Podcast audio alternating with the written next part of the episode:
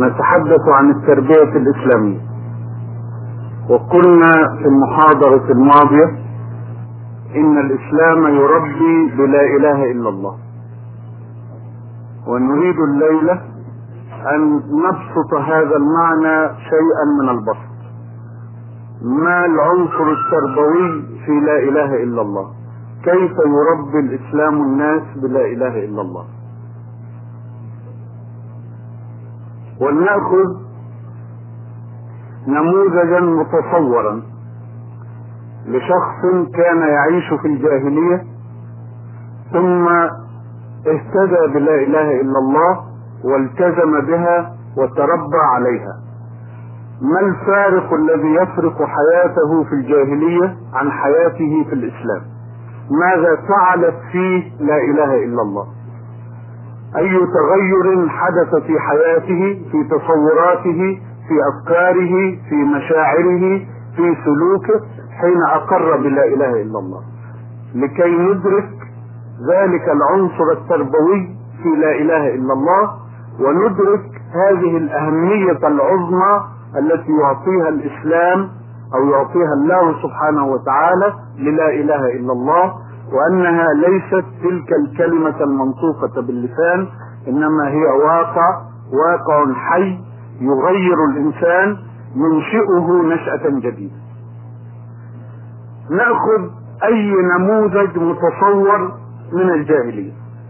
فيما كانت اهتمامات الناس وفيما كان نشاطهم وفي أي الأعمال ينفقون جهدهم. أي إنسان في الجاهلية سنتصور أنه كان يعبد الله مع إشراك الآلهة الأخرى اللي هي الأصنام. هذه هي الصورة التي تتبادر إلى الذهن حين نتحدث عن الجاهلية العربية وحين نتحدث عن الشرك. رجل يعرف الله يعرف كما سجل القرآن عليه أنه أن الله سبحانه وتعالى خلق السماوات والأرض لأن الله يقول في القرآن ولئن سألتهم من خلق السماوات والأرض ليقولن الله ويقول ولئن سألتهم من خلقهم ليقولن الله فإنسان يعرف معرفة نظرية بذهنه أن الله موجود وأنه خلق السماوات والأرض وأنه خلق الناس وأنه هو الذي يدبر الأمر وأنه يجير ولا يجار عليه إلى آخر هذه الصفات لله سبحانه وتعالى يعرفها بذهنه نظريا. وفي ذات الوقت يشرك مع الله آلهة أخرى. أظهر أنواع الآلهة هي تلك الأصنام المعبودة التي قالوا عنها ما نعبدها إلا ما نعبدهم إلا ليقربونا إلى الله زلفى. وهو قول ظاهره حق وباطنه باطل. هم بدأوا بعبادة هذه الأصنام لتقربهم إلى الله زلفى ولكن انتهى بهم الأمر إلى أن يعبدوا الشركاء من دون الله. يعني هم يبدأون بعبادة هؤلاء الشركاء مع الله ويقولون بأفواههم إن الله هو رب الأرباب يعني كبير الآلهة. ومع ذلك وهم يعبدون تلك الأصنام أو تلك الأرباب الصغيرة ويطيعونها في معصية الله سبحانه وتعالى. هل هذه هي الأرباب الوحيدة المعبودة؟ كلا. إنها هي الأرباب الظاهرة الحسية. لكن هناك أرباب كثيرة أخرى يعبدها ذلك الرجل الذي نتخيله كنموذج من نماذج الجاهلية. فهو كما قلنا في المحاضرة الماضية يعبد القبيلة كما يقول شاعرهم وهل أنا أو في رواية وما أنا إلا من غزية إن غوت غويت وإن ترشد غزية أرشد. يعني القبيلة هي التي تحدد له الغي والرشد تحدد له الحرام والحلال تحدد له الصواب والخطأ.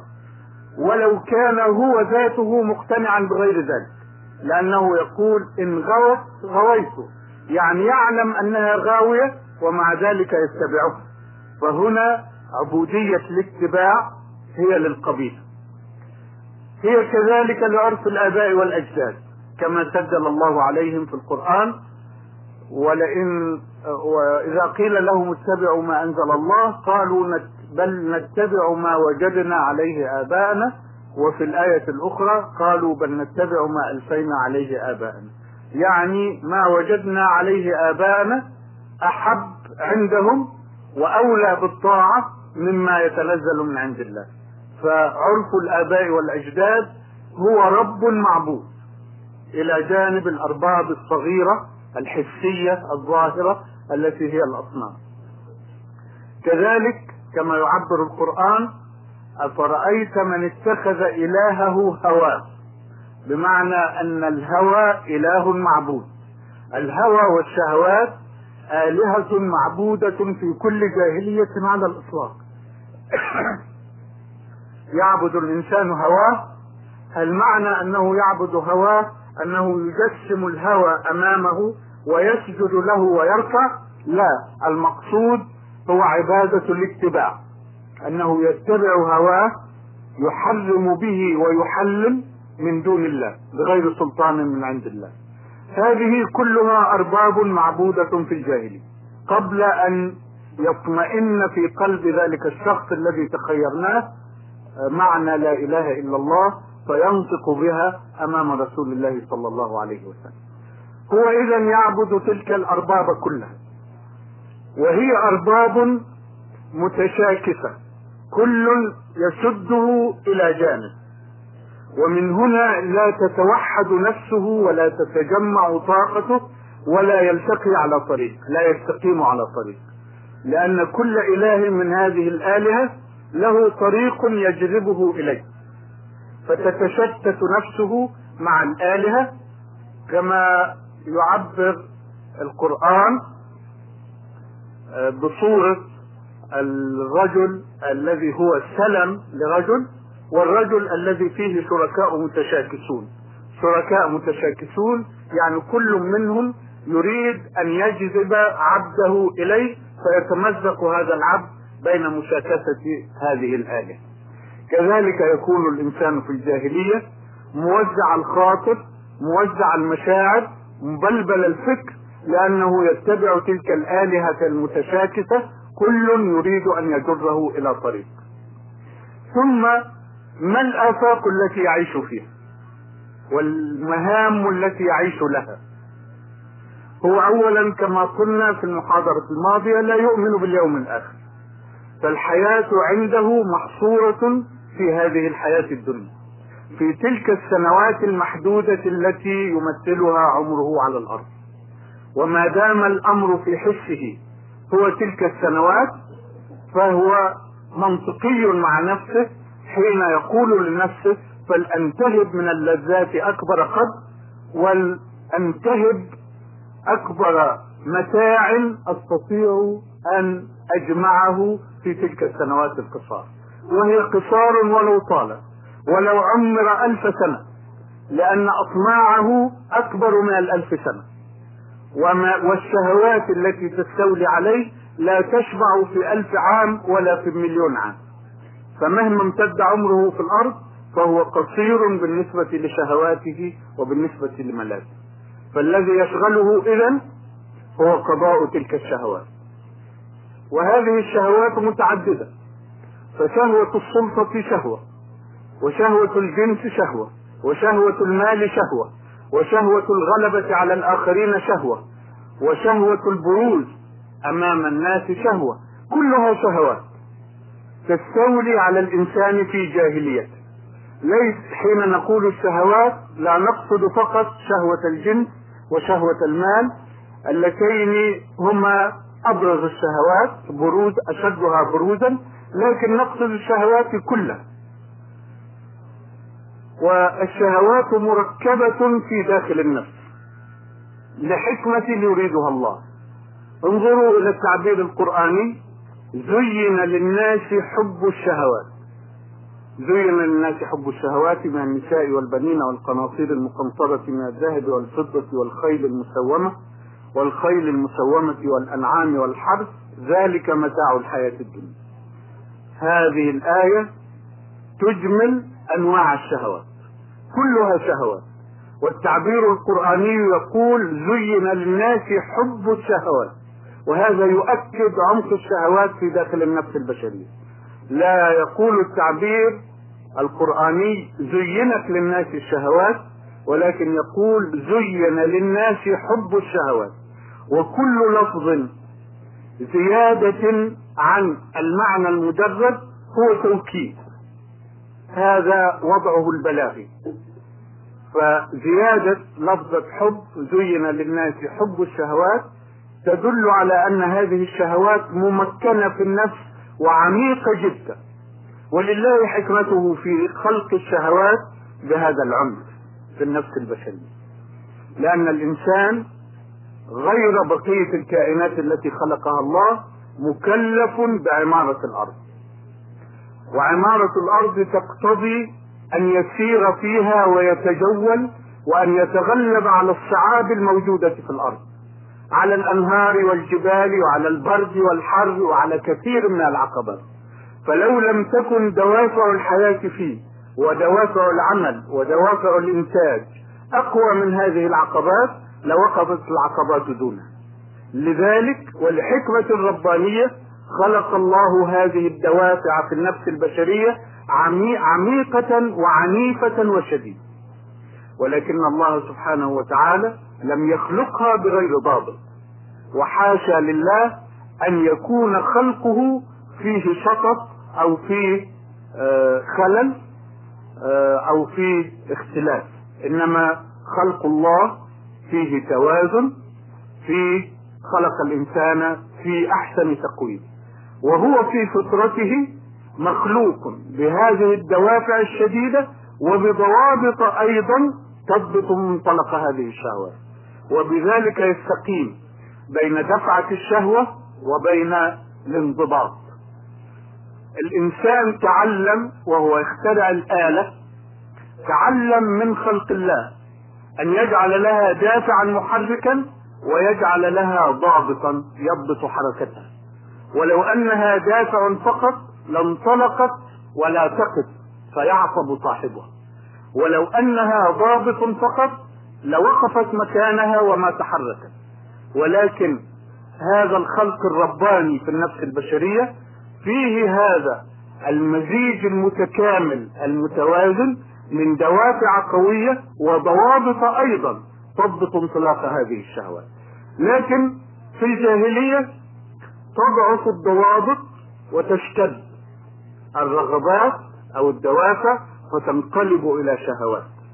الفرق بين الرغبة والشهوة أن الرغبة تملكها أنت وتخضعها لسيطرتك ولكن الشهوة تملكك وتخضعك هي لسلطانها. فلنعد إلى ذلك الرجل الجاهلي الذي تخيلناه. يعبد الأرباب المختلفة ويعبد هواه وشهواته أي أن كل الشهوات المركبة فيه بحكمة ربانية لتؤدي غرضا معينا في حياة الإنسان انطلقت لم تعد منضبطة لأنه لا توجد لها ضوابط في حسه إنما توجد رغبات فتنطلق به الرغبات وتجمح بغير ضابط. حياة الجاهلية معروفة عندكم. انظروا كيف كانت مجالس اللهو والشراب. انظروا كيف كانت علاقات الجنس. انظروا كيف كان طغيان التجار وأصحاب المال. انظروا كيف كان طغيان الكهنة كهنة الأصنام. كلهم طغاة يستعبدون الناس. في مجالس اللهو والشراب اقرأوا قصائد امرئ القيس وهي وحدها كفاية لدمغ هذه الجاهلية بما تستحقه من نزوة نزوات الجنس المسيطرة التي آه، لا يقف أمامها ضابط من عرض أو شرف أو نخوة أو مروءة. معلقة امرئ القيس وما أريد أن أخوض فيها التي يصف فيها علاقة فاجرة بامرأة لا بد أن تكون فاجرة أيضا يأتيها ورضيعها يرضع منها. يعني حتى لا يوجد التحرج الإنساني. لا أقول الديني ولا أقول الضمير والأخلاق. مجرد كون الإنسان إنسانا. ولا أظنه إلا صادقا فيما قال.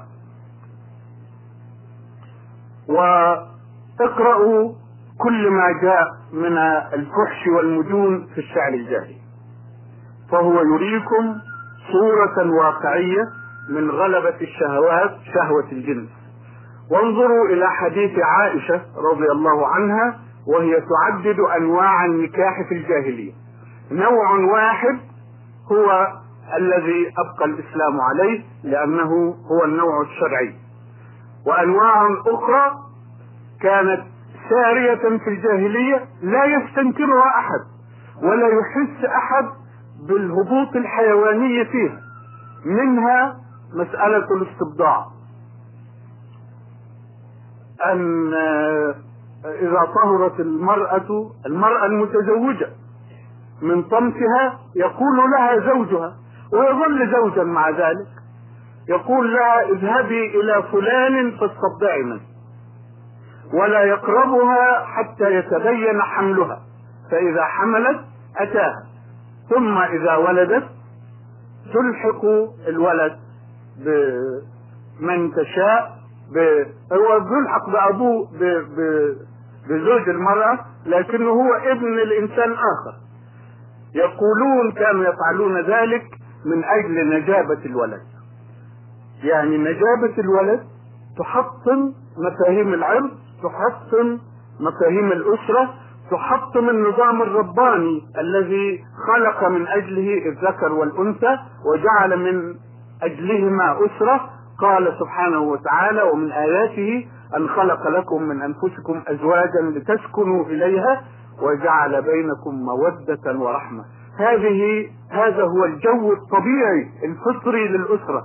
هذه الجاهلية كانت تحطم هذا الجدار أو هذا المحضن الطبيعي الفطري الذي خلقه الله لذا تحقق به حكمة الله. يقول له استبدع من فلان ويتبنى الولد ويعتبره ابنه مع إنه ابن زنا.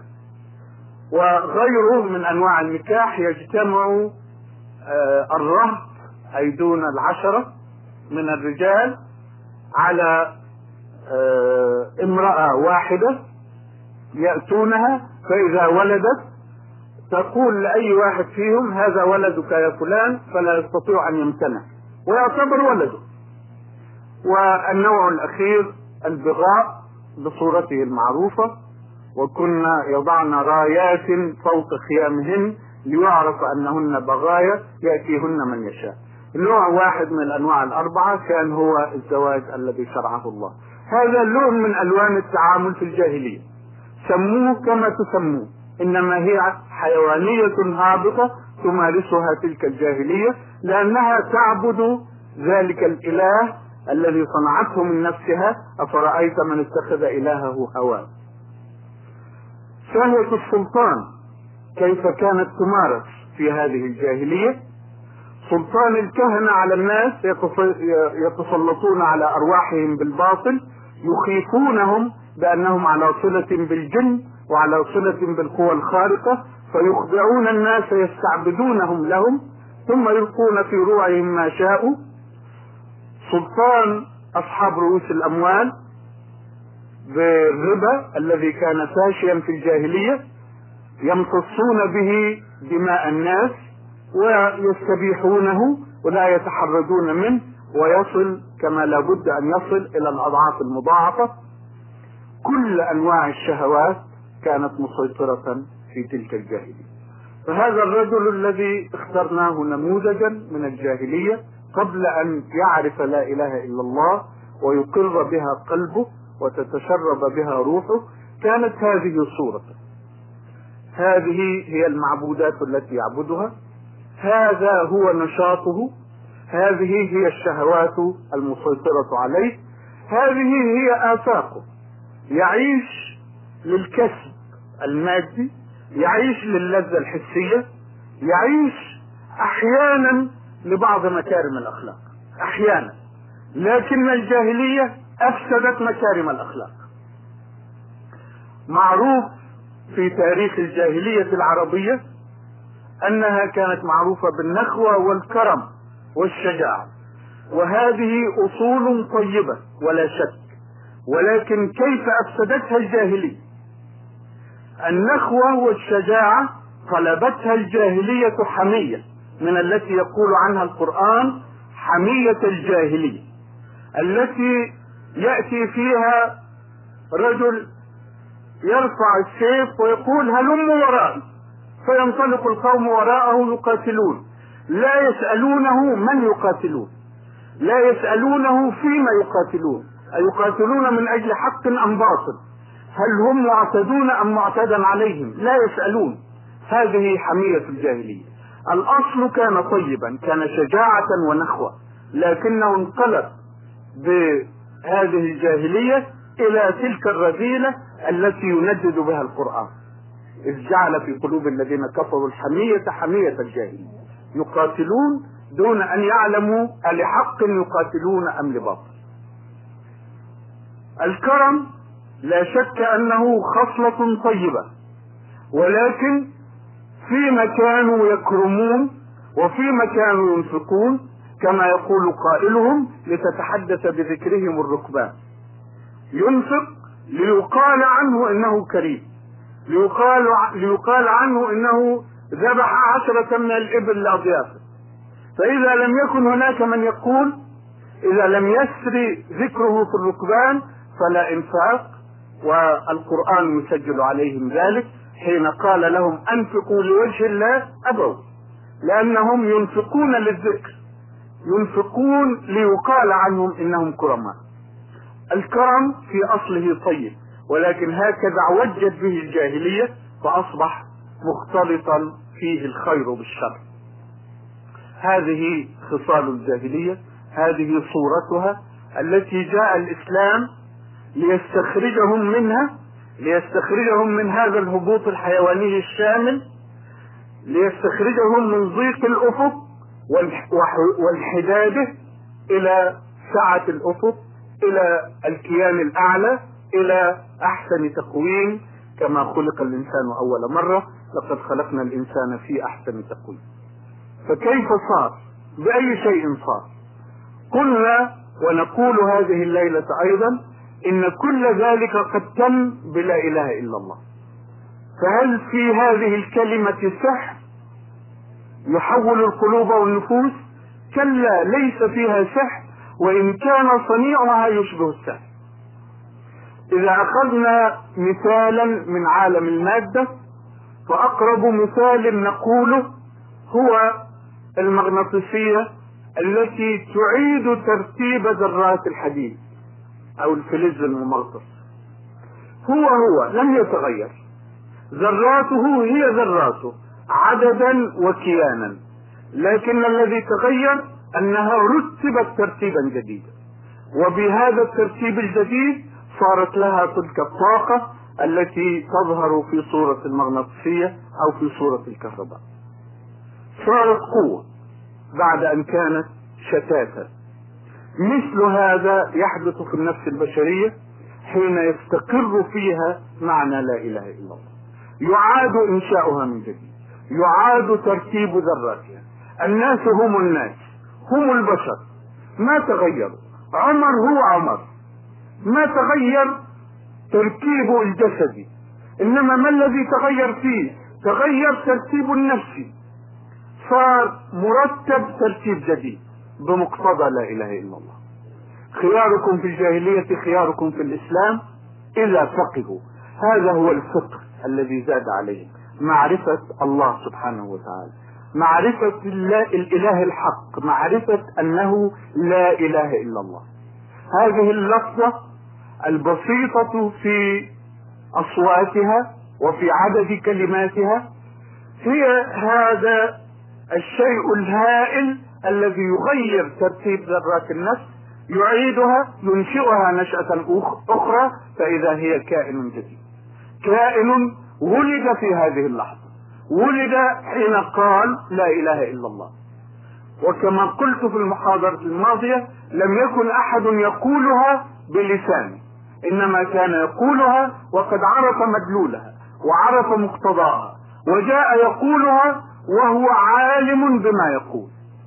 قالها وقد انفتحت نفسه للا إله إلا الله لمعرفة الإله الحق لاتباع الإله لعبادته بما بما ينبغي لجلال وجهه وعظيم سلطانه. حين قال لا إله إلا الله فمنذ اللحظة الأولى قد نفى عنه تلك الأرباب الزائفة كلها. لم يعد لواحد منها سلطان عليه البتة. لا ذلك الصخر الذي كان يسجد له صار له سلطان عليه. لا تلك القبيلة التي كان يتعبدها عبادة الطاعة إن غوت يغوى معها وإن ترشد يرشد لم تعد لم يعد لها سلطان عليه. الهوى والشهوات التي كانت تسيره وتسيطر عليه لم يعد لها سلطان عليه. عرف الآباء والأجداد فقد سلطانه. وفي لحظة معرفته للإله الحق عرف من الذي ينبغي أن يعبد ومن الذي ينبغي أن يطاع ومن الذي ينبغي أن يكون له الأمر في حياته. هذا هو التحول.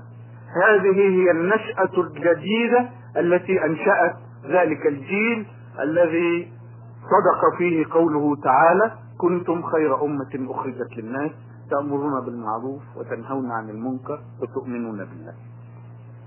من لحظة نطق بهذه الكلمة عرف اتجاه عرف طريقة عرف أنه عبد لذلك الإله الواحد الذي لا شريك له ولا يمكن أن يكون له شريك. ولقد كانت القضية بالنسبة لذلك الجيل سهلة غاية السهولة مع صعوبتها. سهلة في ماذا؟ كان يعبد الآلهة الأخرى ويطيعها حين كان لها وجود حقيقي في حزبه. كان يؤمن بها يؤمن بأنها حقيقة. فحين تبين له في لحظة تبين له أنها آلهة زائفة انتهى سلطانها عليه تماما. لم يعد لها وجود. عرف الإله الحقيقي فانتهت القضية في حسه لقد كان يطيع الآلهة لأنه كان يعتقد اعتقادا حقيقيا أنها آلهة. فلما علم الحقيقة لما علم أنها ليست آلهة أنها لا وجود لها في الحقيقة زال سلطانها لم يعد لها طاعة في قلبه. مشكلتنا في هذا العصر الذي نعيش فيه أن أناسا يعرفون أن الله موجود ويعرفون أنه إله واحد. ويعرفون أنه ليس له شركاء في الأمر ومع ذلك يجعلون لغيره الأمر. هذا لم يكن مشكلة الجيل الأول.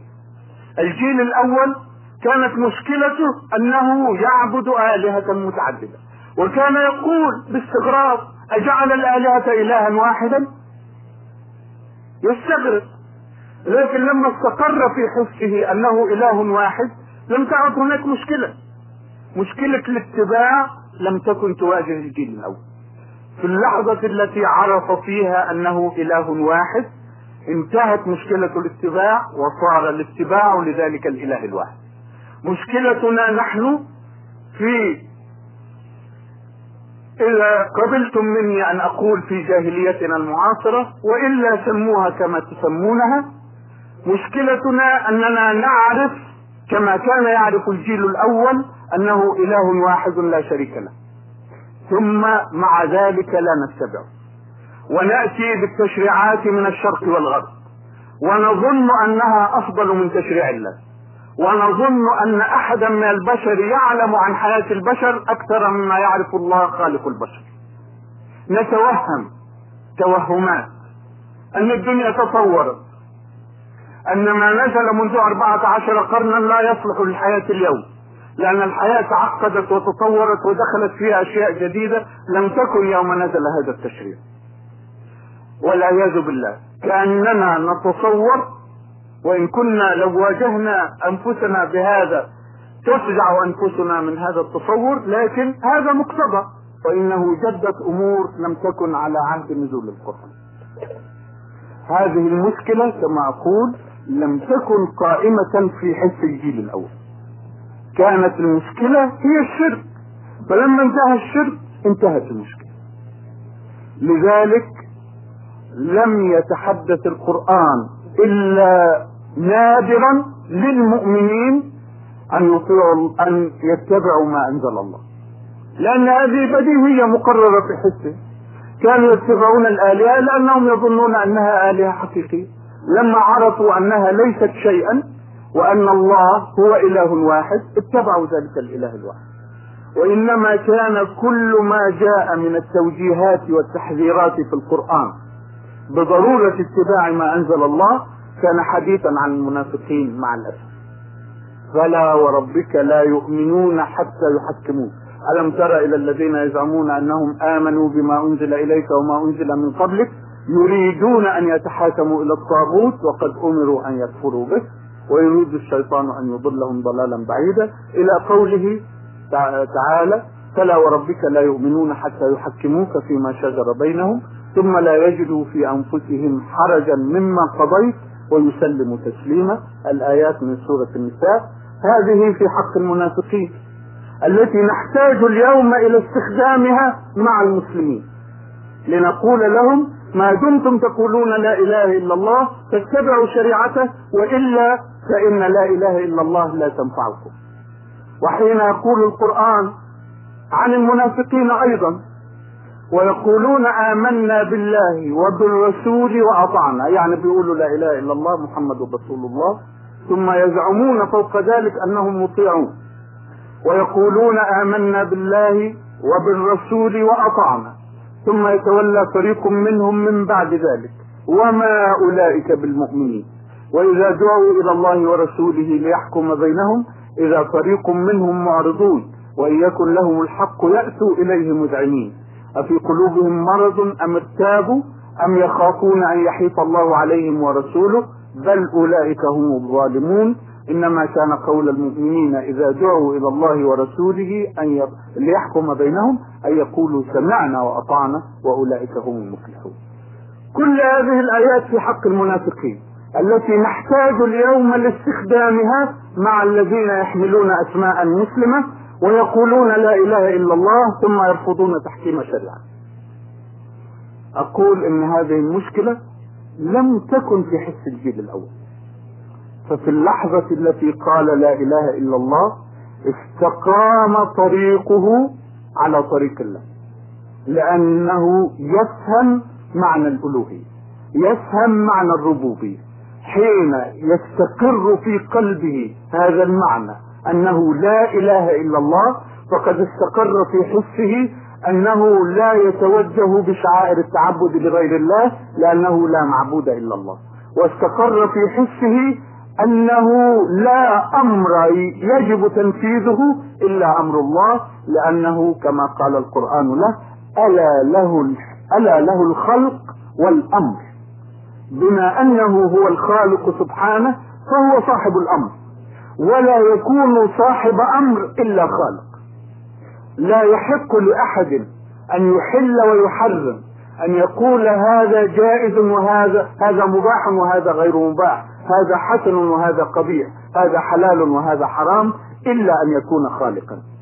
وإذ كان الخالق واحدا سبحانه فالآمر كذلك واحد سبحانه ألا له الخلق والأمر. قضايا كانت منتهية في حس ذلك الرجل الذي جاء إلى رسول الله صلى الله عليه وسلم ليقول له لا إله إلا الله آمنت بأنه لا إله إلا الله وأن محمدا عبده ورسوله. استقرت القضية انتهى الأمر. أصبح في حسه أنه لا يتلقى إلا من عند الله. ليس هناك مصدر للتلقي ليس هناك مصدر للتوجيه ليس هناك مصدر للحل والحرمة للاستحسان والاستقباح إلا ما يقوله الله سبحانه وتعالى ويبلغه عنه رسوله صلى الله عليه وسلم إن في قرآن وإن في حديث وما آتاكم الرسول فخذوه وما نهاكم عنه فانتهوا. إذا تهيأت نفسه لأن يتبع منهج الله لأن يأتمر بأمر الله. هل معنى هذا أنه أصبح ملاكا لا يخطئ؟ كلا ليس هذا هو المعنى. ما خرج عن بشريته. ما خرج أحد عن بشريته. المعصوم عليه الصلاة والسلام والمعصومون عليهم صلوات الله وسلامه هذه خصوصية لهم. لكن البشر العاديين غير المعصومين ما خرجوا عن بشريته. وليست لهم عصمة ليست لهم عصمة الأنبياء. ويخطئون. كل بني آدم خطاء. لكن ما الفرق بين خطأ؟ بل بين خطيئة من قال لا إله إلا الله وخطيئة من لم يقلها وبقي في جاهلية. إنه يخطئ إنه يذنب. لأن الشيطان يجري من الإنسان مجرى الدم في العروق.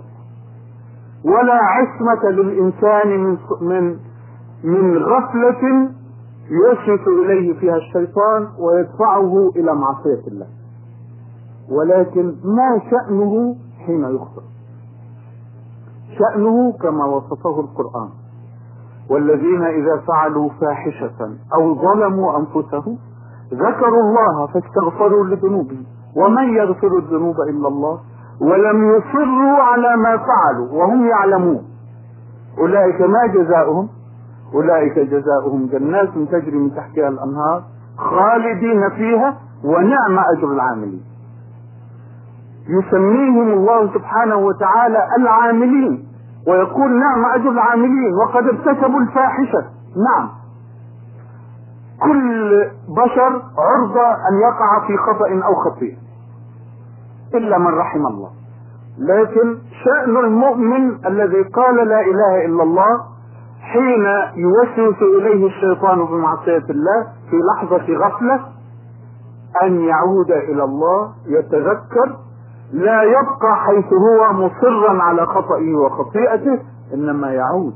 يعود فيذكر الله فيتوب عن فعله الذي فعل ويقول رسول الله صلى الله عليه وسلم ما أصر من استغفر.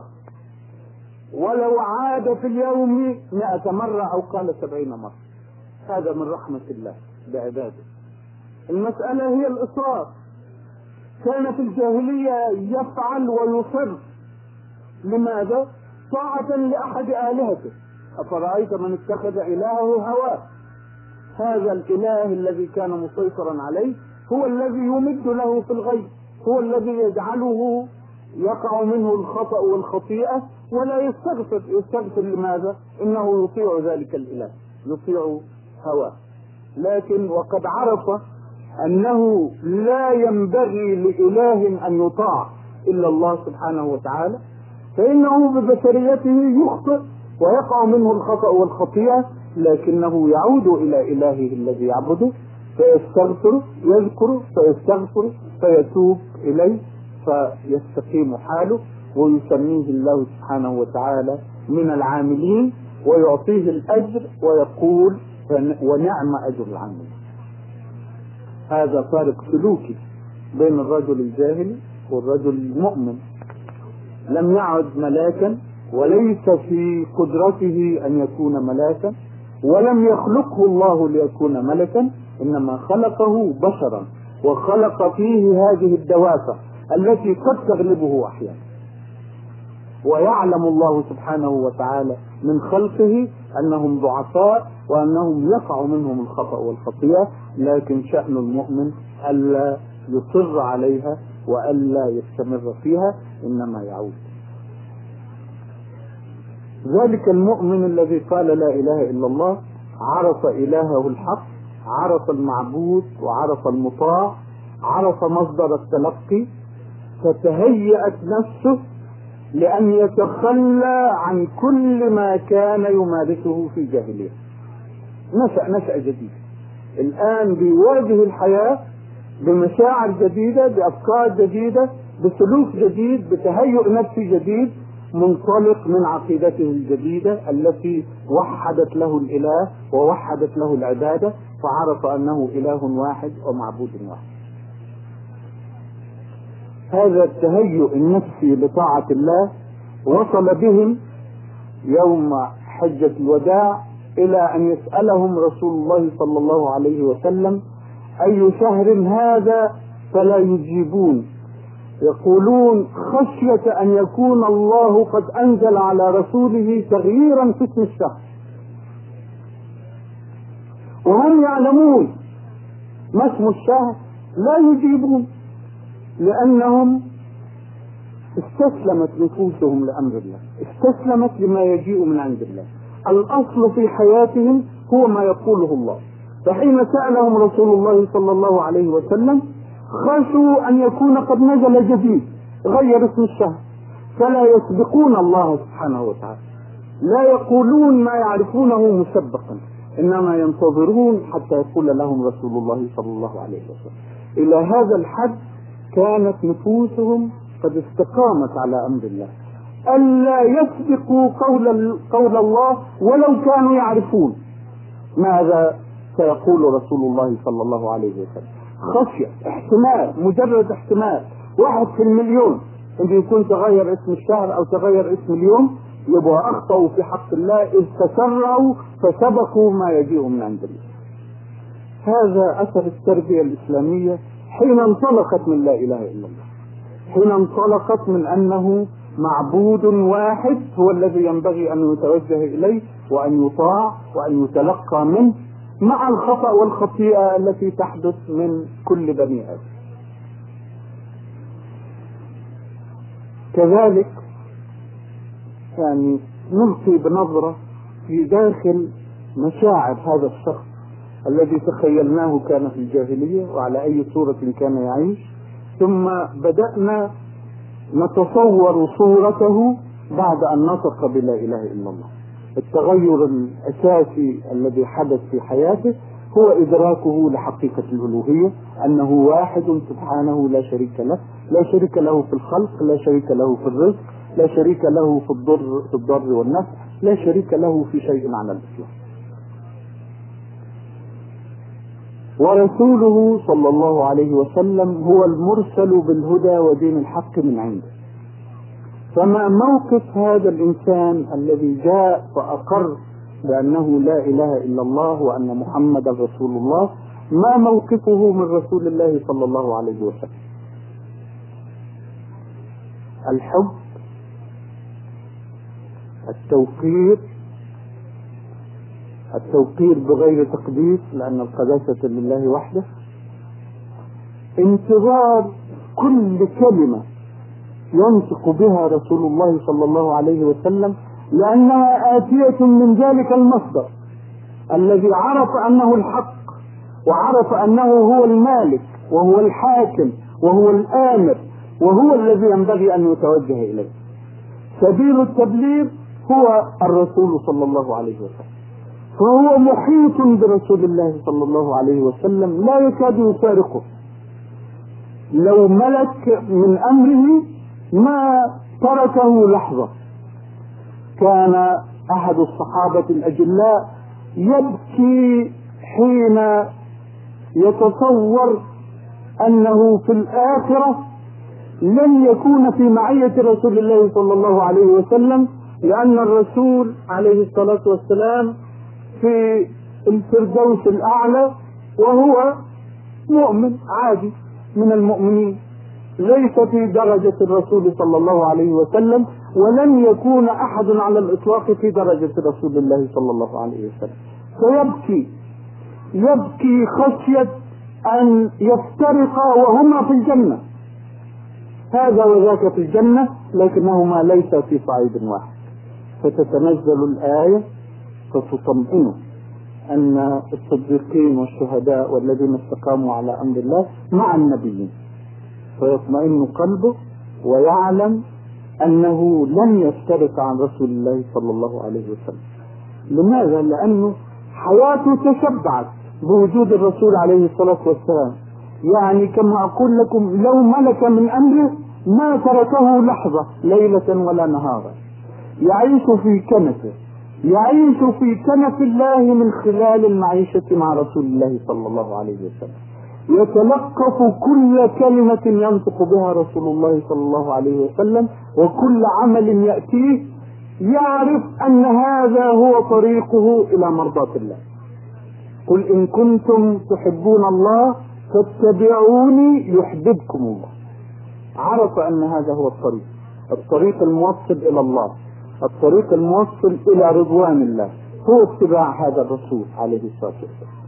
وقد اضفى الله على رسوله عليه الصلاة والسلام من الحب من المحبة ما لم يضف على بشر قبله ولا بعده بشهادة أبي سفيان قبل أن يسلم قال ما رأيت أحدا يحبه الناس كحب أصحاب محمد محمدا. اختصه الله بهذه المزيه بدرجة من الحب لم تتح لرسول ولا نبي من قبل ولا من بعد. كانوا يحبونه عليه الصلاة والسلام. كانوا يعيشون متطلعين إليه لأنه كما يقول أبو بكر رضي الله عنه هو الذي يأتيهم بخبر السماء. ولأنه هو شخصية حبيبة في ذاته صلى الله عليه وسلم. ثم ماذا يحدث من هذا اللقاء حول هذا اللقاء حول الرسول صلى الله عليه وسلم وهو لقاء في الله يحبونه لله وفي الله ويتجمعون حوله. فماذا يحدث؟ يحدث أن تلتحم قلوبهم في هذا اللقاء حول رسول الله صلى الله عليه وسلم. كل إنسان خلية قائمة بذاتها جاء لرسول الله صلى الله عليه وسلم يحبه ويتلقى منه. فيلتقي بالخلية الأخرى بالمؤمن الآخر. فتتلاشى تلك الحواجز التي تحجز بين بشر وبشر. تذوب تتلاقى القلوب تتلاقى الأرواح. لأنها تتلاقى في حب الله وطاعته وتتلاقى عند رسول الله صلى الله عليه وسلم. فيحدث بينها ذلك التمازج الامتزاج العجيب الذي لا مثيل له في التاريخ. الأخوة التي يعبر عنها القرآن إنما المؤمنون إخوة. إخوة على الحقيقة. إخوة تعدل إخوتهم هذه أخوة الدم بل تفوقه. تفوقها قطعا. لأنهم يلتقون في الله ويلتقون في حب الله ويلتقون في شخص رسول الله صلى الله عليه وسلم ويتركون أهلهم لأنهم على الشرك. فاذا هذه الأخوة صارت أقوى في قلوبهم وأرواحهم من رابطة الدم من رابطة القبيلة التي كانوا يستعبدون لها في الجاهلية. قلت في المرة الماضية إن أشد عقوبة كانت تطبقها القبيلة على فرد من أفرادها يخرج على إرادتها أن تخلعه فيسمى الخلية فيصبح مثل السمك إذا خرج من الماء. لا وجود له لا يحس بكيان شقيا حتى يموت أو تتوب القبيلة عليه. الآن صارت القبيلة تهدد المؤمنين منها بالخلع. فماذا يحدث؟ لا شيء. فقدت سلطانها عليه. بل فقدت رابطتها معه. لأن رابطته صارت هنا. صارت مع رسول الله صلى الله عليه وسلم وصارت مع الفئة المؤمنة التي يحس معها بالأخوة. أخوة تعدل أخوة الدم وتتفوق عليها فصارت القبيلة تهدد ذلك الصابئ كما كانوا يسمونه صبأ عن دين الآباء والأجداد واتبع دين محمد عليه الصلاة والسلام تهدده بأن تخلعه. فلا يهمه ذلك شيء. لا يحس على الإطلاق أن شيئا قد حدث. يقول افعلوا ما شئتم. أنا هنا. أنا في هذا الحمى. أنا وجودي هنا. كياني هنا. يتحقق بكامله في هذا المجتمع الجديد. المجتمع المؤمن الذي يتكون على هدوء وعلى بطء على مهل لبنة لبنة حتى يتكون منهم في النهاية ذلك البناء الضخم أضخم بناء في التاريخ البشري. هذه الأخوة تحدث أخلاقا جديدة. هي تربية من نوع جديد. كيف كانت الأخوة في الجاهلية؟ الصداقة أقصد. صداقة الميسر والخمر وهي أقرب إلى العداء منها إلى الإخاء يتصافون في أول الجلسة ثم يخرجون متشاحنين. صداقة التجارة مشتركين في تجارة واحدة وهي صداقة مصلحة طالما تحققت المصلحة فالصداقة باقية فإذا اختلفت المصالح ذهبت الصداقة هذه كانت صداقات الجاهلية إلا قليلا منها كحلف ذي الفضول. الأغلبية من هذه حلف الفضول. آه الأغلبية العلاقات كانت علاقات مصلحة أو علاقات شهوات. هذه العلاقة الجديدة كيف صارت؟ ما الأفق الذي تعيش فيه؟ أفق التجارة والمكسب والخسارة أفق اللهو والشراب أفق المتاع الحس الغليظ؟ لا. الأخوة في الله نوع جديد من العلاقة لا عهد لهم به لا يعرفونه من قبل ولا من بعد في أي جاهلية من الجاهليات. إنما يوجد هذا اللون من العلاقة في ظل الإيمان بالله الواحد ولا يوجد في غيره. هو الذي أنشأ هذه الأمة من شتات. الأمة التي قلنا عنها في المحاضرة الماضية إنه كانت لديها كل فرص الوحدة. وحدة اللغة وحدة الجنس وحدة الأرض وحدة التقاليد وحدة المصالح وحدة العبادة. العبادة الباطلة التي كانوا يعبدونها لكن كانت عبادة واحدة ومع ذلك كما يقول القرآن لو أنفقت ما في الأرض جميعا ما ألفت بين قلوبهم ولكن الله ألف بينهم. ألف بينهم بلا إله إلا الله. نوع جديد من العلاقات البشرية غير معهود في تلك الجاهلية التي كانت.